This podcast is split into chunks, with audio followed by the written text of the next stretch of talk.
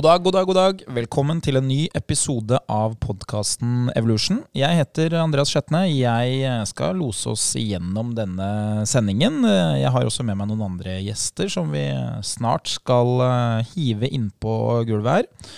Vi skriver 21. februar. Det er eh, vinter. Det er ferie for halve landet. Det kalles for vinterferie. Har du ikke vinterferie denne uken, her, så har du det neste uke, tror jeg. Hvis ikke jeg tar feil. Det er vel ingen andre som er utafor de to uh, ukene.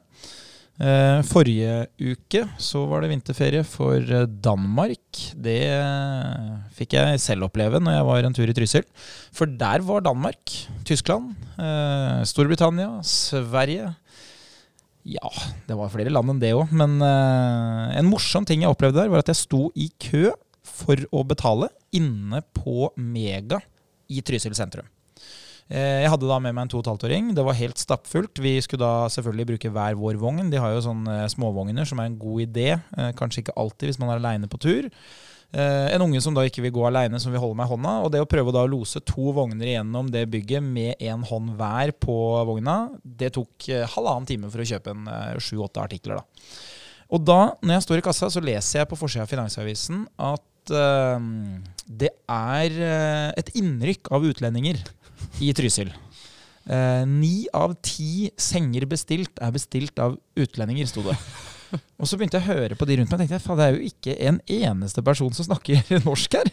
Så det, ja, men det stemmer. det stemmer. Dette er god informasjon, tenkte jeg. Og så var jo det en god forklaring til hvorfor det tok så sabla lang tid å komme seg gjennom. Eh, det var jo da vinterferien til Danmark. Eh, vi har jo ikke vinterferie. Det har jo heller ikke dere som er på plass her. Velkommen, eh, Linnea. Thank you, thank you. To uker på rad. Ja. Det er ikke verst. Skal du ha noe vinterferie, eller har du vinterferie? Er du bare innom for besøk? nei, jeg hadde vel en mini-vinterferie nå i helga. Jeg var en tur i Sverige.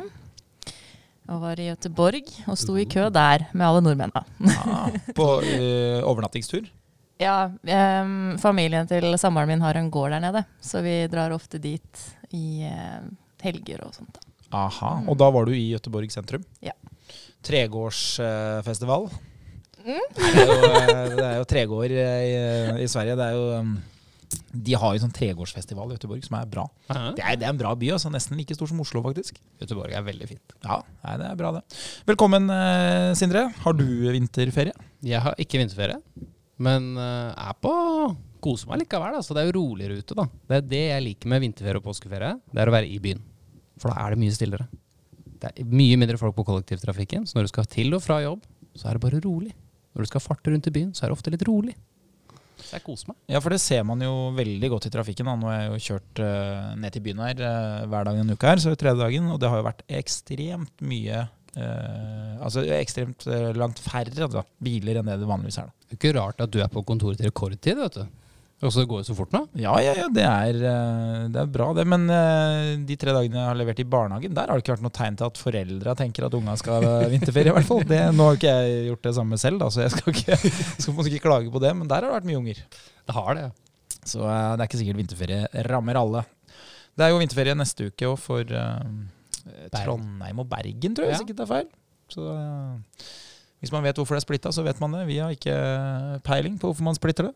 det er kanskje for å avlaste, så ikke hele samfunnet ja, skal Det er i hvert fall det argumentet jeg har hørt tidligere. Det gir jo mening. Ja, For høstferien er jo å plukke poteter.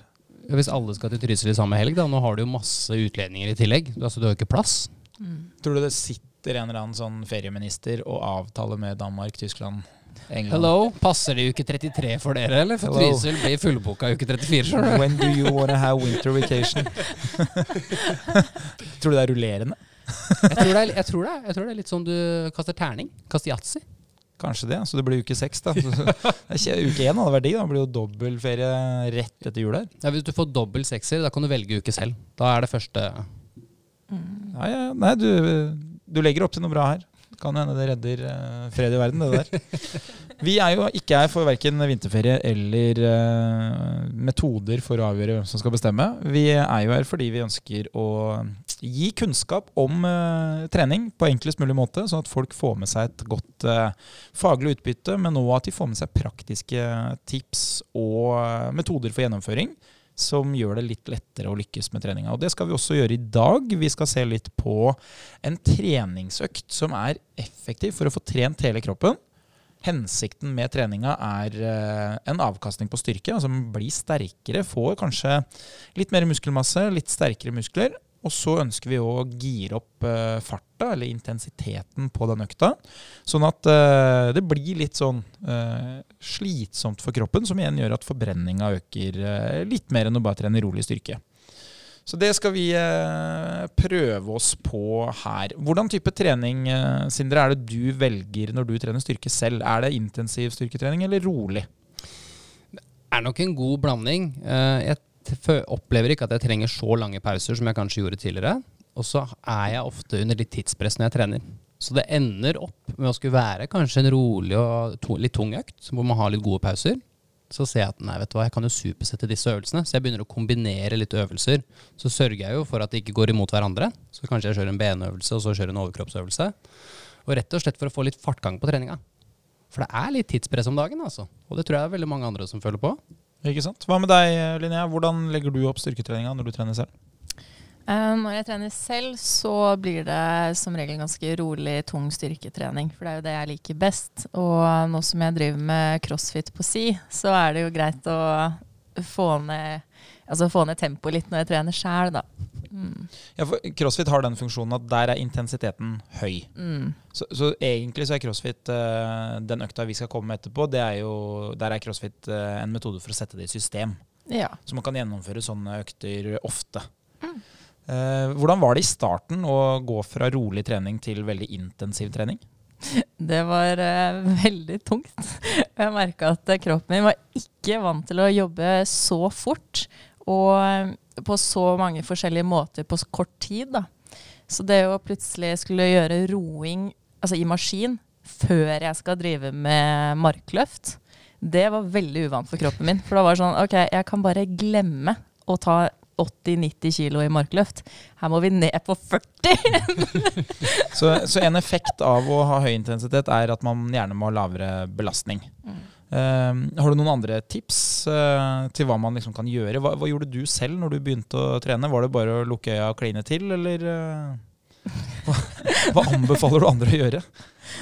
Um, altså Hva jeg anbefaler folk å gjøre, er jo gjøre det du syns er gøy, og prøve å finne en rytme som passer deg. da hvis du er en som er veldig utålmodig og vil gjerne liksom fortest mulig til uh, neste og sånt, så er det nok greit å prøve seg litt på sånn supersett-opplegg, sånn at du ikke begynner å kjede deg mens du trener. Men hvis du er en som trenger roen, så er det fint å prøve å få strukturert det til at du har pauser og velger nøye hva du skal gjøre, da. Ikke sant. Mm. Du, Sindre. Uh, når vi snakker liksom sånn rent uh, faglig, da. Hva er forskjellen? Altså, hvem bør velge hva? Bør alle kjøre med høy intensitet, eller bør alle kjøre med pauser? hva, er grunnen til at man splitter det, egentlig? Det kommer veldig an på hva som er formålet ditt. Hva er målet med treninga? Hvis ønsket er å bli stor og sterk, eller stor kan du bli uansett, når jeg først tenker meg men hvis målet er å bli sterk, da kan det være greit med litt gode pauser. For det er akkurat som du sier innledningsvis, Linnea, at det å skulle ta markløft når du er vant til å trene med 90 Jeg vet ikke hvor mange repetisjoner du da tar da? Da tar jeg fem-seks. Ja, ikke sant? Ja. Og så sier du at du må helt ned på 40, så du skal ikke bare halv... Altså, du må mer enn halvparten av vekta ned, altså. Mm. Det er ganske mye. Og det er klart at hvis du da ønsker å ha et mer fokus på hjertet, og trene liksom, kan det kalle det litt kondisjon, da er det variasjonen som crossfit ofte bringer inn, da, som kan være en fordel. Og også om du ønsker å forbrenne litt mer kalorier, så kan det være fordelaktig å skulle trene høyintensiv styrketrening. Da. Men så er det også viktig å huske at du øker hvileforbrenningen med å få økt muskelmasse. Så om du trener mye tung styrke og øker muskelmassen, så vil det også være med å bidra til en høyere hvileforbrenning i hverdagen. Ja, Det som er liksom spesielt, sant, er jo at um, vi kan jo si at rolig trening det gir rom for høyere belastning. Så man kan løfte tungt, så man kan uh, bygge mer muskelmasse, bli sterkere. Ja. Uh, og så kan vi si at uh, høy intensitet det gir jo høyere forbrenning. Det gjør jo også at du blir bedre til å ha høy intensitet. Så du skal bli god i crossfit, eller du skal bli god til å gjenta eh, det å bruke kraft da, eh, på relativt eh, høyt nivå mange ganger etter hverandre, så må mm. du trene på det. Definitivt. For det er jo som du sier, Linja, du erfarte vel at eh, du kommer ikke langt med å være kjempesterk når du må ro først og ha korte pauser. Du blir nesten mer straffa fordi du ender opp med å velge for høy belastning fordi du tror det er riktig. Helt Vil, riktig. vil jeg tro. så eh, det er på en måte det grunnleggende. Så hvis målet ditt er å bygge muskelmasse, så må du jo gjerne ned i, eh, i intensitet. Da. Men så er det jo en faktor som ofte surrer det her litt til, og det er jo hvis du ikke har trent noe i det hele tatt. Så hvis du hadde møtt opp på CrossFit og begynt å trene, så hadde du blitt mye sterkere. Du hadde fått eh, større og sterkere muskelmasse fordi det du gjør, er plutselig mye tyngre enn det du har gjort. Ja. Så hvis vi ser sånn isolert på befolkninga og sier at to tredjedeler av befolkninga oppfyller ikke mm, Helsedirektoratets anbefalinger om fysisk aktivitet, som betyr at de er, liksom, de er lite aktive, de trener kanskje ikke noe styrke i det hele tatt. Hva de velger, er egentlig hipp som happ. Altså. Helt riktig. De kommer til å få muskler og bli sterkere uansett. Ja. Og det ser vi jo, vi tre som jobber som PT alle sammen. Er du nybegynner, så går det ofte veldig fort i starten. Du får til veldig mye, det er mye mestring. Men det er jo klart at den, jeg føler jo det som er litt fint med crossfit, og det har vi vel snakka litt om òg, er jo det miljøet du kommer inn i òg. Du blir jo tatt litt under vingene, du får trent litt av alt. Så du finner Jeg tror det er lettere for veldig mange da å komme inn kanskje på en gruppetime i starten og finne noe som passer seg.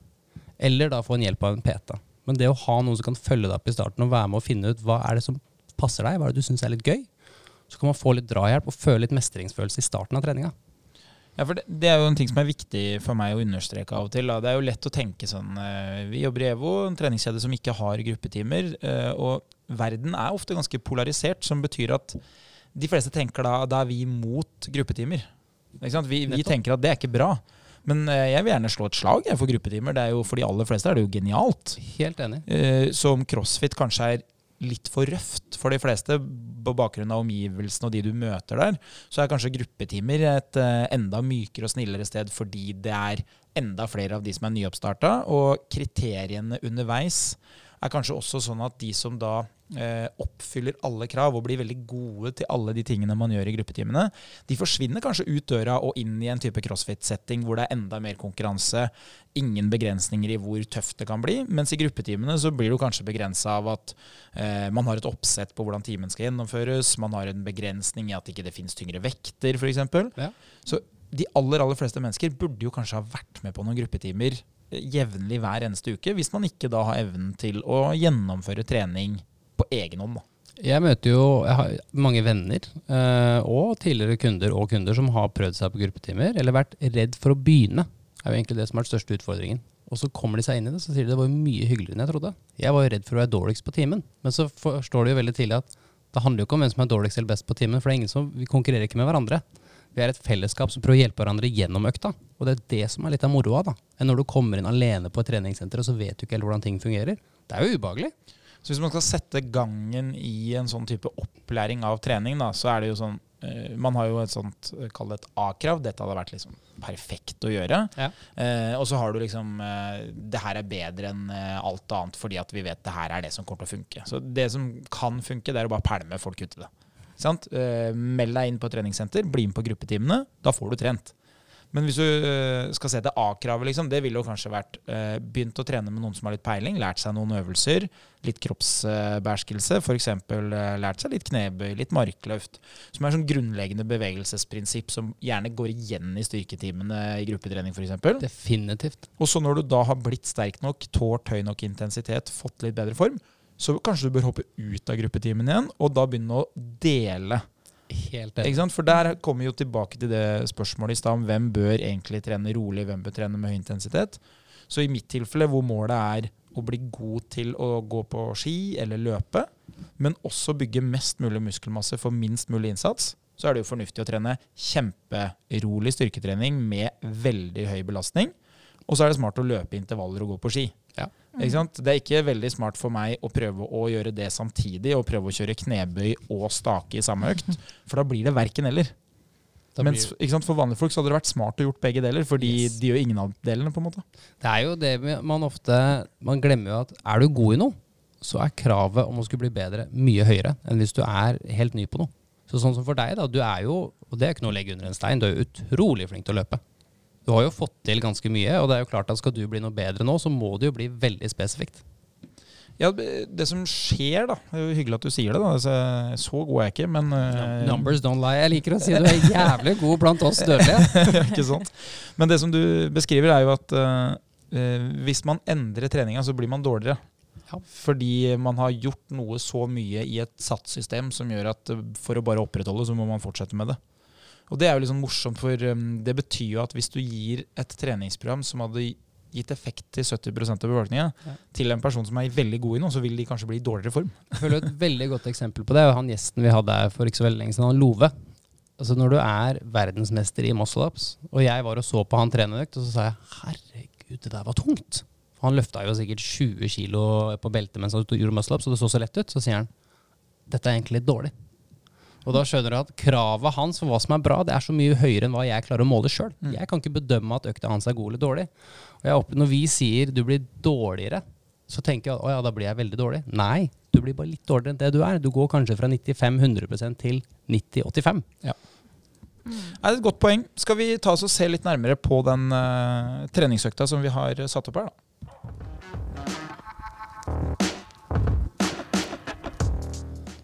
Vi har en uh, fullkroppsøkt uh, hvor vi uh, velger et prinsipp som heter supersett. Hva er egentlig supersett, Linnea? Når, når, bruker man det, og hva, hva er det for noe, liksom? Supersett, det er når man setter sammen ulike øvelser um, i ett sett. Som vil si at du, du, har ingen pause mellom de. Og det kan jo være fra to, eller så kan du ha tre, eller så kan du full on sirkel med seks forskjellige øvelser som du kjører runde runde. Eh, men i denne økta her så har vi jo valgt å pare de. så da er det to og to eh, øvelser som gjøres sammen. Når du velger de øvelsene, hva, hva er det du som personlig trener må tenke på? Altså Hvis du hadde fått Eh, en kunde inn døra, så tenker du sånn Ok, her er det ti grunnleggende øvelser som bør på plass. Eh, men hva er det som gjør at du velger liksom øvelse én og øvelse to og øvelse tre, og ikke bare tar det litt sånn på sparket? Eh, det som er viktig her, da, når man skal supersette to og to øvelser, er jo at de ikke skal påvirke hverandre. Så hvis du skal trene Du kan ta knebøy, og så kan du gjøre brystpress. For de har ikke noe med hverandre å gjøre. Men det hadde vært veldig slitsomt om du skulle tatt brystpress og så flies eller skulderpress i samme. For da ville du slite ut armene dine òg. Ja. ja, ikke sant. Så på bakgrunn av treningserfaringa så ville det blitt veldig hardt. Mm. Hvis vi bruker to beinøvelser, da, hvis det er jo knebøy, og så må jeg gå utfall i pausen, ja. så ville det bare kanskje ikke blitt noe til slutt. Da hadde det bare ikke blitt repetisjoner. Det blir ikke mange serier det der, og mange repetisjoner, nei. nei. Er det en erfaring dere har fra en del kunder, at de har satt sammen feil øvelser når de trener på egen hånd? Definitivt. Uh, og det er jo ikke så rart. Det er jo litt sånn som at Hvis jeg skulle bygd et hus i dag det, jeg, jeg, har jo ikke en bruksanvisning. Jeg har jo ikke gjort det før. Så det er vanskeligere. Men når jeg ser på faren min som er håndverker, han tenker da begynner vi her, og så vi begynner på A, og så slutter vi på B. Veldig, veldig enkelt. Og det ser jo så lett ut når den begynner. Det samme er det kanskje for oss Peter når medlemmer møter oss. Det ser jo så lett ut å sette opp et treningsprogram. Men det er jo mye erfaring som kommer med det òg. I den treninga som du gjør, Linja, har du noen gang satt sammen med vilje to øvelser som man da uh, prøver å unngå å sette sammen uh, for nye som skal begynne å trene? Uh, jeg unngår jo å sette sammen sånn som den du nevnte i stad, knebøy og gående utfall. Jeg har faktisk en kunde som fortalte meg en veldig morsom historie akkurat med dette her. da. For da hadde jeg jo satt opp et program til han, og så skulle han fullføre det her. da. Og jeg hadde jo sagt eh, knebøy, og så brystpress, og så liksom jobba meg nedover sånn. Egentlig annenhver type muskelgruppe da, som vi personlige trenere kan veldig godt. Um, men han kom på et tidspunkt hvor det var så mange på senteret at han ikke kunne gjøre det i den rekkefølgen han egentlig skulle. Så da kjørte han gående utfall etter knebøy og bare 'Dette her, det er det tyngste jeg har gjort'. så ja. Ja, du får noen sånne opplevelser, og så kan du også ha noen andre effekter enn at det bare blir kjempetungt. Og det er jo f.eks. hvis du begynner å kjøre Eh, en type roøvelse eller nedtrekksøvelse, og så ender markløft ja. etter det i programmet, mm. Så vil du erfare at uh, du er mer enn sterk nok i ryggen og i beina, men du kanskje ikke klarer å holde fast i stanga. Så grepet ditt har plutselig eh, fått en utfordring med å bære den vekta som, uh, som du klarer da i markløft. Så det er jo sånne ting som man vil oppleve. Og så fins det jo noen, noen sånne enkle metoder for å lure fram at kroppen kan kjenne bedre til de musklene man bruker. Og Det er jo også en metode man kan gjøre i supersett, som kanskje ikke handler om belastninga eller at det skal være effektivt, men mer at man ønsker å få det vi kaller for kontakt. Eh, og det vil være sånn hvis du kjører mye knebøy og du aldri kjenner at rumpemuskelen brukes i noe særlig grad, så kan det være at du rett og slett ikke har så veldig god kontakt med den. Du klarer liksom ikke selv å få den muskelen til å bidra i bevegelsen.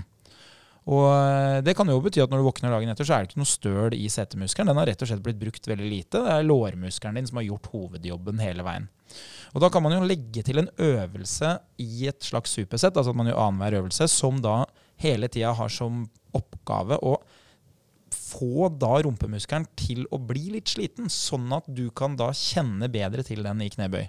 Og Det vil jo da f.eks. være det vi kaller for crab walk. Hvis du tar en eh, strikk rundt eh, beina, altså du står oppe i strikken, og så går du sidelengs som en krabbe. Fordi Fordelen med den bevegelsen er at den vil tvinge rumpemuskelen til å jobbe når du trekker beinet ut fra det andre. Så når du går sidelengs og skal ha større avstand mellom beina, så vil rumpemuskelen brukes. Mens låra dine får jo pause, fordi du skal jo ikke løfte kroppen opp og ned vertikalt. Så når du da går inn i knebøystativet igjen og begynner med knebøyøvelsen, så vil jo da kjenne ganske godt at rumpa mi har jo ikke fått noe pause fra forrige serie knebøy. Og da kanskje du begynner etter hvert å kjenne at å, det er sånn her man skal bruke denne muskelen for å levere. da. Og det kan man òg gjøre i nedtrekk, f.eks. Hvis man kjører en del nedtrekk og bare kjenner det i grepet og i bicepsen, så kunne man ha gjort en øvelse som f.eks. det som heter lat pull-down. Som er at du står rett opp og ned med strake armer og dytter en stang ned fra ja, Si du har den i sånn eh, ansiktshøyde foran deg, arma da rett ut fra kroppen, rett fram. Og så trekker du arma dine ned til du treffer deg sjøl eh, rett over knæra. Og da er det jo ikke bicepsen eller grepet som brukes. Da er det plutselig baksida av arma som har ansvar for å holde arma di rett. Mens muskelen som sitter da oppunder armhulen, den må jobbe veldig mye for å få arma trukket ned mot låret. Så når du setter deg ned igjen, kjører da eh, en nedtrekksvariant, så har du jo fått hvilt eh, bicepsen din og grepet, men eh, den muskelen under arma har jobba mye. Og da vil du plutselig kjenne at oi, denne brukes masse i øvelsen. Så da bruker man jo en type eh, supersett for å lokke frem de musklene som ikke egentlig brukes. Er det noe dere har brukt i treninga? Sindre? Ikke sånn, Jeg har ikke gjort det så voldsomt mye selv. Uh, opplever jo det at selv om jeg ikke nødvendigvis kjenner det, så lenge jeg klarer å bøye bein, hvis f.eks. i knebøy, da, gjør det litt lett, hvis jeg klarer å komme meg ass to the grass, så tenker jeg at da vet jeg at setermuskulaturen skal jobbe uansett. fordi jeg klarer ikke det arbeidet her bare med låra. Så jeg sørger jo heller for at jeg prøver å fokusere på det som er sånn full bevegelsesmønster. Det er litt viktig for meg. Ja, for det er jo metoder man kan bruke som har kommet mye mer de siste årene enn det det var før. Og ikke sånn jeg starta å trene. Du skulle, du skulle ikke ha full bevegelse mens det var livsfarlig. Du kunne jo dø. Ja, ja, nei, det er sant. Altså, jeg husker veldig godt da. Nå er det jo over 15 år siden jeg gikk på idrettshøyskolen, og det er veldig sånn, stor forskjell i hva man gjør i dag og da. Supersett f.eks. har jo blitt mye mer normalisert. Fordi man da var mer opptatt av hva er maks avkastning? Jo, det er lange pauser for å få mer muskelmasse. Men så har man kanskje blitt mer sånn spesifikk på hva som egentlig er behovet til de man trener. Og um, en ting som man kanskje gjør i større grad en sånn supersett med crabwalk imellom knebøy for å få nei, setemuskelen til å jobbe, det er jo kanskje at man velger en type donkey kicks. Har du kjørt det, Linja? Jeg har ikke kjørt så mye donkey kicks, men jeg vet hva det er. Ja.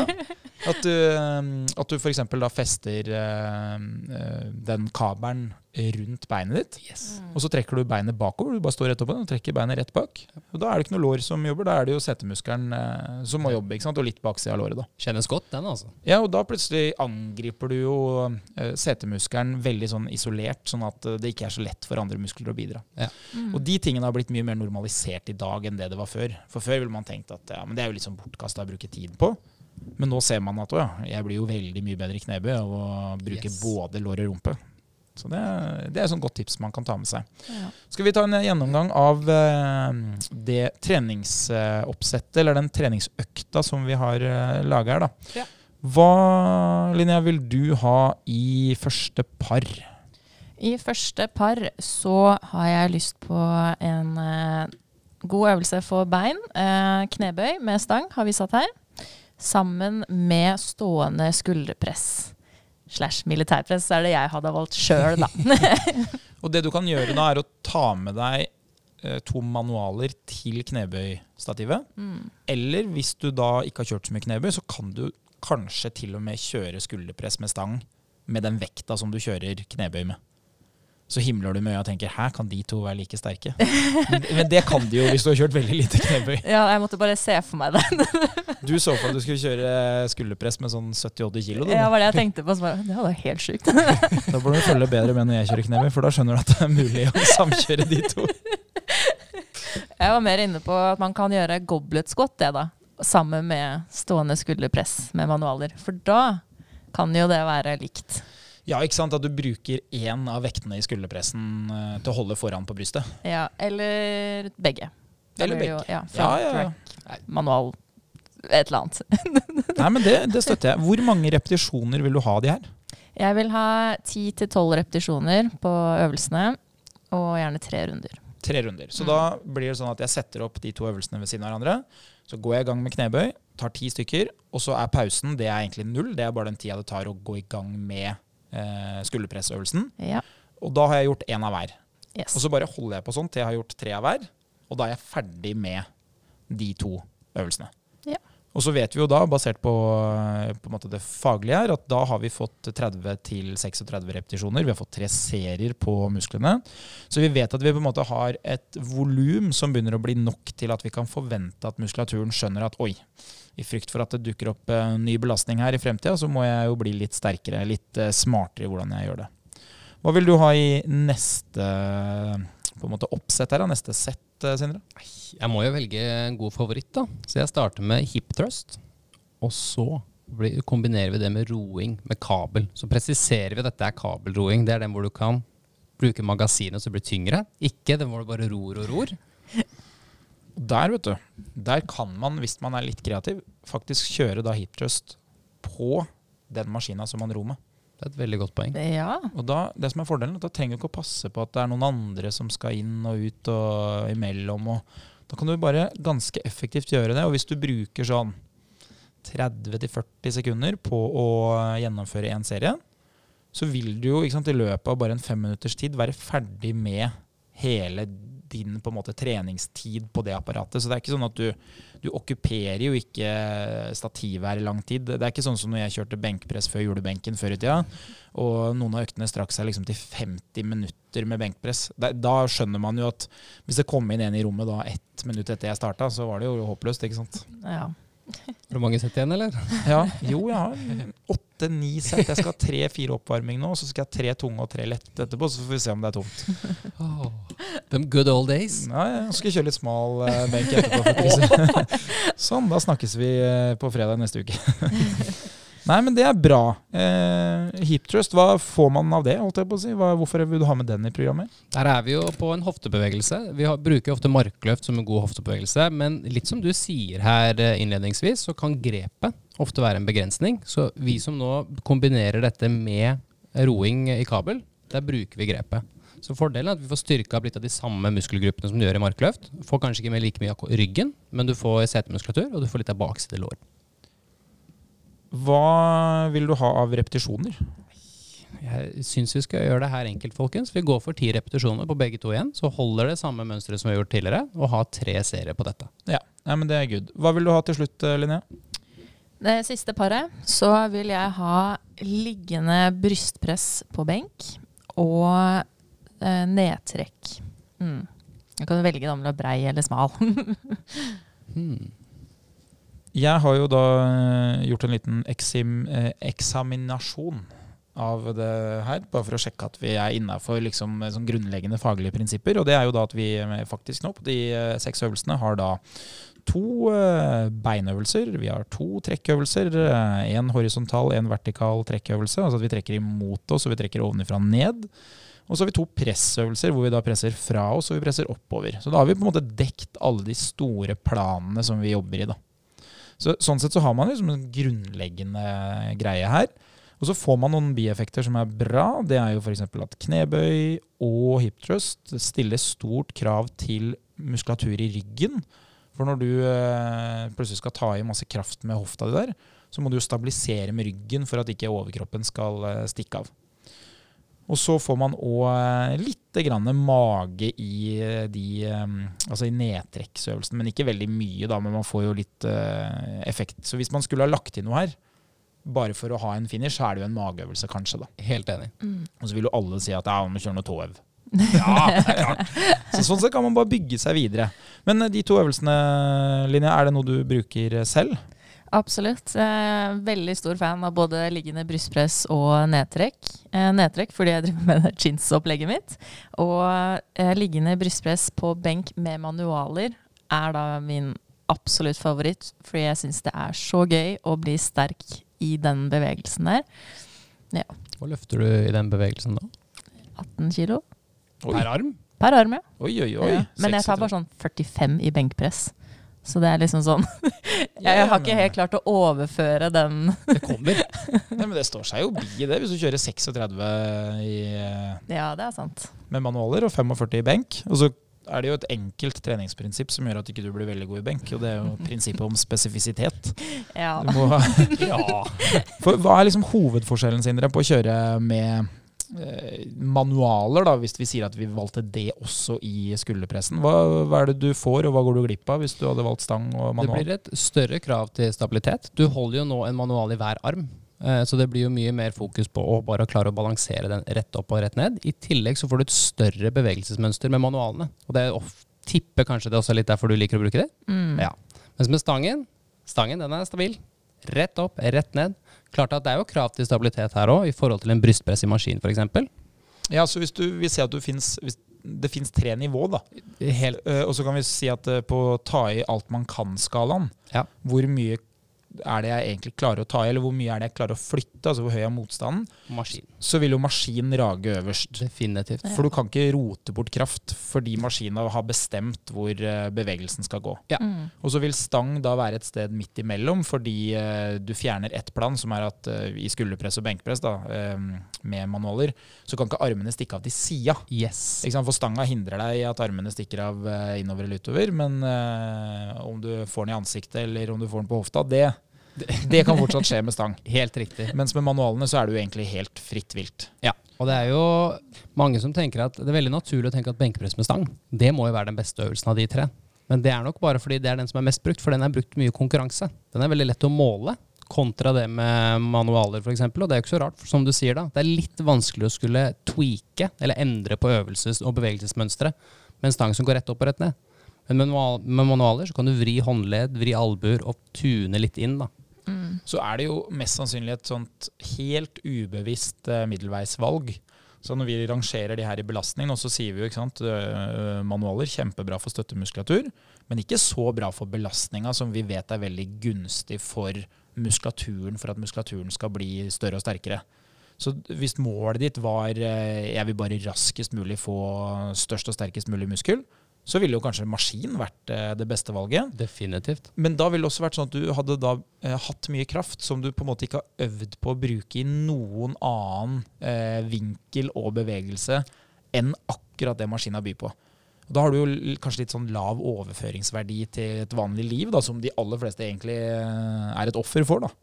Jeg satt, nå drev jeg og tenkte på sånn, sånn baseballkasting og sånn boksing. Jeg tror ikke du blir så veldig mye bedre til noe, noe som helst, egentlig. Du blir sterk, da. Ja, I eh, øvelsen. Så hvis du sier liksom ok, Linnea, Linja, du har lyst til å stille i, i, i sånn eh, kroppsbygging om et halvt år, da ville nok programmet mitt i stor grad vært mange apparater hvor du bare kunne herja med kroppen og kjørt veldig høy belastning. Helt enig. Men hvis eh, du hadde sagt til meg at eh, jeg har lyst til å eh, stille i bryting, f.eks., så hadde det jo bare vært å komme seg ut av det så fort som mulig og prøvd å øve på alle mulige bevegelser. Da hadde det plutselig kunne vært aktuelt med knebøy hvor Nei, eh, utfall hvor du ikke skal gå rett fram, men hvor det beinet du setter fram, det skal gå på tvers over det andre beinet. Sånn uh, hoffneiing, hvis du ser for deg det. Sånn går ja. Sånn curtsy squat. ikke sant? For, ja, det fins selvfølgelig et navn på det greiene der. For det hadde jo plutselig vært veldig mye mer aktuelt for en som driver med bryting. Altså, hvilken bevegelse er det du ikke skal gjøre? Du, mest sannsynlig skal jo kroppen din tåle alt mulig. For alt kan skje der. Ikke sant? Så Det er jo derfor man kanskje velger den middel, altså, eh, middelveien der. Men jeg tror at i oppstarten for helt, helt nye, så kan stang være kanskje greit, fordi du bare fjerner ting som kan være litt vanskelig for å få effekt i starten. Jeg bruker ofte starte med apparat, og så går jeg over til stang. Manual er det som er vanskeligst, opplever jeg med nye PT-kunder. Det, blir veldig mye å tenke på. eh, Så lettere å bare forholde seg til noen enkle prinsipper i starten. Ja, hvis vi skal sette det sånn veldig på spissen metaforisk, da, så vil jeg si det sånn at hvis du kommer til meg, du har aldri kjørt bil, så ville jeg tenkt at i kjøreopplæringa Nå, nå beveger jeg meg ut på uh, tynn is her fordi eh, jeg, har en, jeg har en mor som eh, er kjørelærer og jobba med trafikkopplæring i alle år, og en onkel og bestefar og oldefar. Men jeg tror jeg har belegg for å si det her. Det hadde nok vært enklere for mange hvis de de første timene kunne ha kjørt med automatgir. I dag er det veldig normalt fordi elbilene har eh, automatgir. Men da ville de kunne konsentrert seg om trafikkreglene, og ikke hvordan du skal gire. Mm. Har du kjørt opp med manuelt gir? Ja, ja. Ja. ja. Ikke sant? Og da, hvis du tenker tilbake til de første gangene, så var det jo Det å få den bilen fra første til andre gir var jo mye viktigere enn om det kom en bil fra høyre. Ja, ja, ja. Det er helt riktig. Ja, så det, det vil jo på en måte være litt det grunnleggende prinsippet her. da, ikke sant? At Hvis vi sier at eh, jeg vet ikke om du er sterk nok til å kunne kjøre knebøy med egen kroppsvekt, så hadde det kanskje vært enklere for meg de første sju-åtte timene å kjørt beinpress i apparat, for da kan jeg se det på hvor mye kraft du skaper. At nå er du klar for å kjøre vanlig knebøy her. Nå, er, nå vet jeg at du er sterk nok til å få god effekt av det. Og jeg vet også at det ikke er noe risiko for at du plutselig triller bakover eh, når du bøyer knærne, fordi du ikke klarer å komme deg opp igjen. Yes. Så det fins noen sånne enkle ting som kan være sånn smart i starten, men som kanskje er litt sånn motstridende rent faglig. da. Definitivt. Så det, det er greit å ta med seg. Men da har vi et uh, treningsprogram her. Vi har seks øvelser. Vi har uh, knebøy da, med stang stående. Og så har vi uh, skulderpress stående Mhm. med manual eller stang. Og da når du er ferdig med tre serier med ti repetisjoner av hver av de, så bare forlater du på en måte den øvelsen. Pausen da er jo det det tar å rydde opp og finne neste. Ja. Så det skal ikke være lang pause, for vi vil da bevare den høye pulsen. Kjører vi hiptrust på en benk, eh, og så kjører vi eh, sittende roing i kabel, så da kunne hiptrusten gjerne være på den benken. I starten så kanskje hiptrust med bare egen vekt på hofta er eh, det som er tungt nok. Kanskje etter hvert en vektskive, en stang, og så etter hvert så må du på med ekstra vekt da, på stanga. Og så når du er ferdig med da tre runder med ti repetisjoner av hver av de, så går du fra det, rydder opp. Og så hopper du da inn på det siste, som er da at du kjører brystpress på benk, enten med manualer eller om det er med stang, og så gjør du nedtrekk. Vil du ha bredt eller øh, smalt nedtrekk, Sindre? Kan jeg få midt imellom? Ja, det kan du. Hvis du gjør det enkelt, hvis du ser for dere den stanga, så er den ofte Den går rett ut, og så går det en sånn liten avstikker som er litt skrå. Hvis du holder rett før den skrå delen kommer, så er du ganske midt på. Hva er forskjellen, for det er jo et spørsmål jeg ofte får. Hva er forskjellen på at armene dine er smalt og at de er bredt? Jeg tror vi kan starte med å snakke litt om armene. Eh, når du holder bredt, hvis dere, tester, hvis dere nå sitter og hører på, og så løfter dere opp armene og tenker at dere skal ta en bred nedtrekk, så trekker dere nå albuene ned mot ribbeina, så vil dere se at armen er ganske åpen. Albuen den er ganske strekt ut. Så Du får ikke lukka igjen. nei, så du får jobba ganske isolert med ryggen, Ja. men du får ikke så mye armer med. Derimot, hvis du tar veldig smalt, så låser du armen fullstendig. Så da får du jo med ganske mye armer. Så spørsmålet er hva er det du har lyst til å jobbe med. Men jeg liker jo å tenke at det beste er å da ta midt imellom, for da får du litt av begge verdener. Ja, ikke sant? Så hvis du kjører smalt, så får du lov å bruke bicepsen, for forsida di, Ja. så du kan trekke mer. Yes. Høyere belastning. Ja. Eh, og så vet vi jo da at veldig mange av de som driver med mye styrketrening, sier du trener styrke fem, seks, syv dager i uka, så begynner man å dele opp kroppen for at eh, musklene skal få lov å hvile. Du kan ikke trene hele kroppen syv dager i uka, da vil den alltid være sliten. Ja. Eh, og da kanskje man har en egen økt, fordi det er fornuftig å gjøre det sånn, som heter ryggøkt. Yes. Og så har du trent så mye, så du må ha mange ulike øvelser med høy belastning for å bli sterkere, som vi snakka om i stad. Og da vil kanskje det med å gå fra markløft til eh, nedtrekk til sittende roing gjøre at hvis jeg da hele tida bruker bicepsen, så vil den bli så sliten at jeg klarer ikke å trekke noe særlig i neste øvelse. Yes. I tillegg så vil det være høy belastning som gjør at grepet mitt får kjørt seg enda mer. Ja. Så ved å da begynne å gi juling til ryggen og spare forskjerma, så kan jeg tåle å kjøre flere øvelser. Er jeg inne på noe nå, Linja? Mm, jeg er helt enig. Er det på en måte oppsettet av en ryggøkt? Har ganske heftig ryggøkt. Ja. Hva, hva gjør du i ryggøkta di? Eh, nå har jo ikke jeg en uh, pure ryggøkt, men uh, når jeg tar overkropp, så har jeg en del ryggøvelser i dette her, da. Og når jeg gjør det, så har jeg med meg flapsa mine, som jeg snakka om uh, før. For å spare grepet så mye som mulig, og prøve å få isolert disse øvelsene er til å faktisk ta i ryggen, da, og ikke så mye på biceps og arm, da. Utviklinga vet du, bare ødelegger gamle treningsmetoder. Det er deilig. Liker ikke dette? Trenger ikke å ta hensyn Nå er jo ikke det her noe nytt, da, for folk brukte jo skinnreimer eh, sikkert for 50 år siden, tipper jeg. Mm. Ja, det tror jeg. Så det, det er jo en metode, da. Men, eh, og og det er jo en fin metode for å komme seg bort fra eh, grepsproblemet. da. Mm. Det vil jo kanskje ikke redde bicepsproblemet, men eh, halvparten av problemet er redda. da. Ja, altså bicepsproblemet kan jo bli redda hvis man eh, klarer å være Hvis man har god kontroll på kroppen sin og klarer å faktisk trekke albuen ned uten at man vipper opp hånda, for det er da man bruker mye biceps. Så skal man nok klare det. Påstår du her at teknikk er eh, viktig for gjennomføringa? er det det jeg hører du sier? Det er nok det jeg sier. Det er noe med det. altså. Det er jo det ofte mange er redd for. Altså, jeg pleier å si det til de som er helt nye, at bare drit i teknikken. Altså, Helt enig. det at du gjør noe, det kommer til å gå bra, og risikoen for å skade deg den er veldig veldig lav, fordi det du gjør er ikke tungt nok til å egentlig øh, påføre deg noen skade. Hvis ikke volumet er hinsides. Altså Hvis du nå går fra null til syv dager i uka og to økter hver dag, da vil du skade deg av volumet, ikke av hva du driver med. Og det ville du mest sannsynlig gjort om du hadde god teknikk også. Ja, ikke sant? Så hvis du skal trene én til to ganger i uka fremover, så ikke vær så redd for det med teknikk. Men hvis du etter hvert begynner å bli veldig veldig sterk, altså hvis Linnea nå begynner å drite i teknikken i f.eks. brystpress med manualer, så vil du se at da står det ikke 36 kilo til sammen på de to manualene, det står plutselig 32.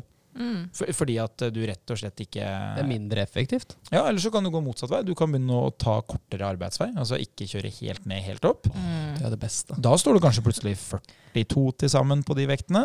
Men så vil du se at uh, den 45 kiloen du løfter i benkpress, den blir plutselig kanskje bare 40. Fordi du har så kort arbeidsvei. Så når du da velger den øvelsen som du kanskje gjør likt hver gang, som er helt ned til brystet helt opp, så ser du at å ja, jeg har egentlig blitt svakere selv om jeg løfter mer. Det er bare fordi du løfter det kortere. Ja. Det er jo det jeg opplever at det mange kanskje misforstår litt, er at skal jeg bli god i øvelsen, eller skal jeg bli sterk i muskelen? Hvis du har kort arbeidsvei, så blir du ganske god i å løfte på kort arbeidsvei på akkurat den spesifikke øvelsen, men muskelen blir jo ikke noe sterkere. Det er jo det som er litt av prinsippet. Så det som er viktig her da, hvis man skal teste treningsprogrammet her, det er ikke hvordan du gjør det, men at du husker hva du gjorde. Ja. Sånn at du kan gjøre det samme igjen.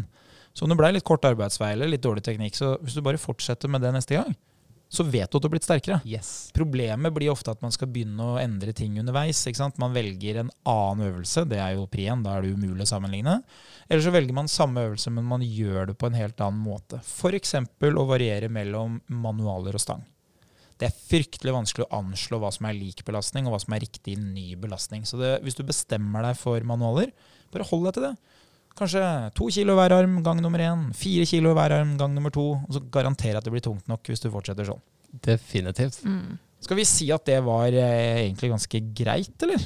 Ja, det syns jeg. Ja. Ja, Et siste spørsmål, Linnea. Hvor ofte kan jeg gjøre det her hvis jeg eh, mot formodning skulle synes at dette var dritgøy eh, å drive på med? Hvor ofte? Nei, så ofte du kan. er det to ganger i uka, så er det helt eh, nydelig. Men hvis jeg en uke har mulighet tre ganger, kan jeg kjøre det tre ganger? Ja, det kan du. Men hvis det begynner å bli fem-seks, så kan vi kanskje vurdere å endre litt her. Ikke sant? Nei, men Da har vi et treningsprogram som dekker det som folk flest bør være i aktivitet. Som gjør at de blir eh, bedre. De får trent hele kroppen. De får trent hjerte og lunger. For det vil man jo kjenne på tampen her. At uh, belastninga er høy. Er du fornøyd, Sindre? Ja, jeg er egentlig det. Setter du ditt stempel på dette? Godkjent. Approved. Skal vi stemple ut? Ja, det syns jeg. Så får dere lykke til med treningsprogrammet og gi oss noen tilbakemeldinger på det. Det syns jeg. Eh, jeg tror bare vi rett og slett ruller ut i vinterferie. Skal vi gjøre det, eller? Tusen takk for at du lytta på den eh, episoden her. Vi setter jo pris på at eh, folk er engasjert. Vi får jo inn eh, nye spørsmål hele tida, så nå må vi faktisk få laget en sånn spørsmålsepisode. Hvis du tenker nå at jeg har spørsmål som jeg vil stille, så send det inn enten på vår Instagram-konto. Der har vi en egen Instagram-konto for podkasten Evolution. Eller bare send det direkte til en av oss. Det går også an å sende det inn via Evolution sine sider på nett. Så her er det mange muligheter. Hvis du er interessert i mer treningsfaglig kunnskap eh, før vi høres igjen, så ligger det ekstremt mange nyttige artikler ute på nettsida Og Da kan du gå til evo.no f.eks., eller du kan gå rett til eh, Evolution. Der finner du jo treningstips som du kan bruke. Inntil videre, ha en fin eh, vinterferie eller ikke-vinterferie. Prøv å få trent før vi snakkes igjen.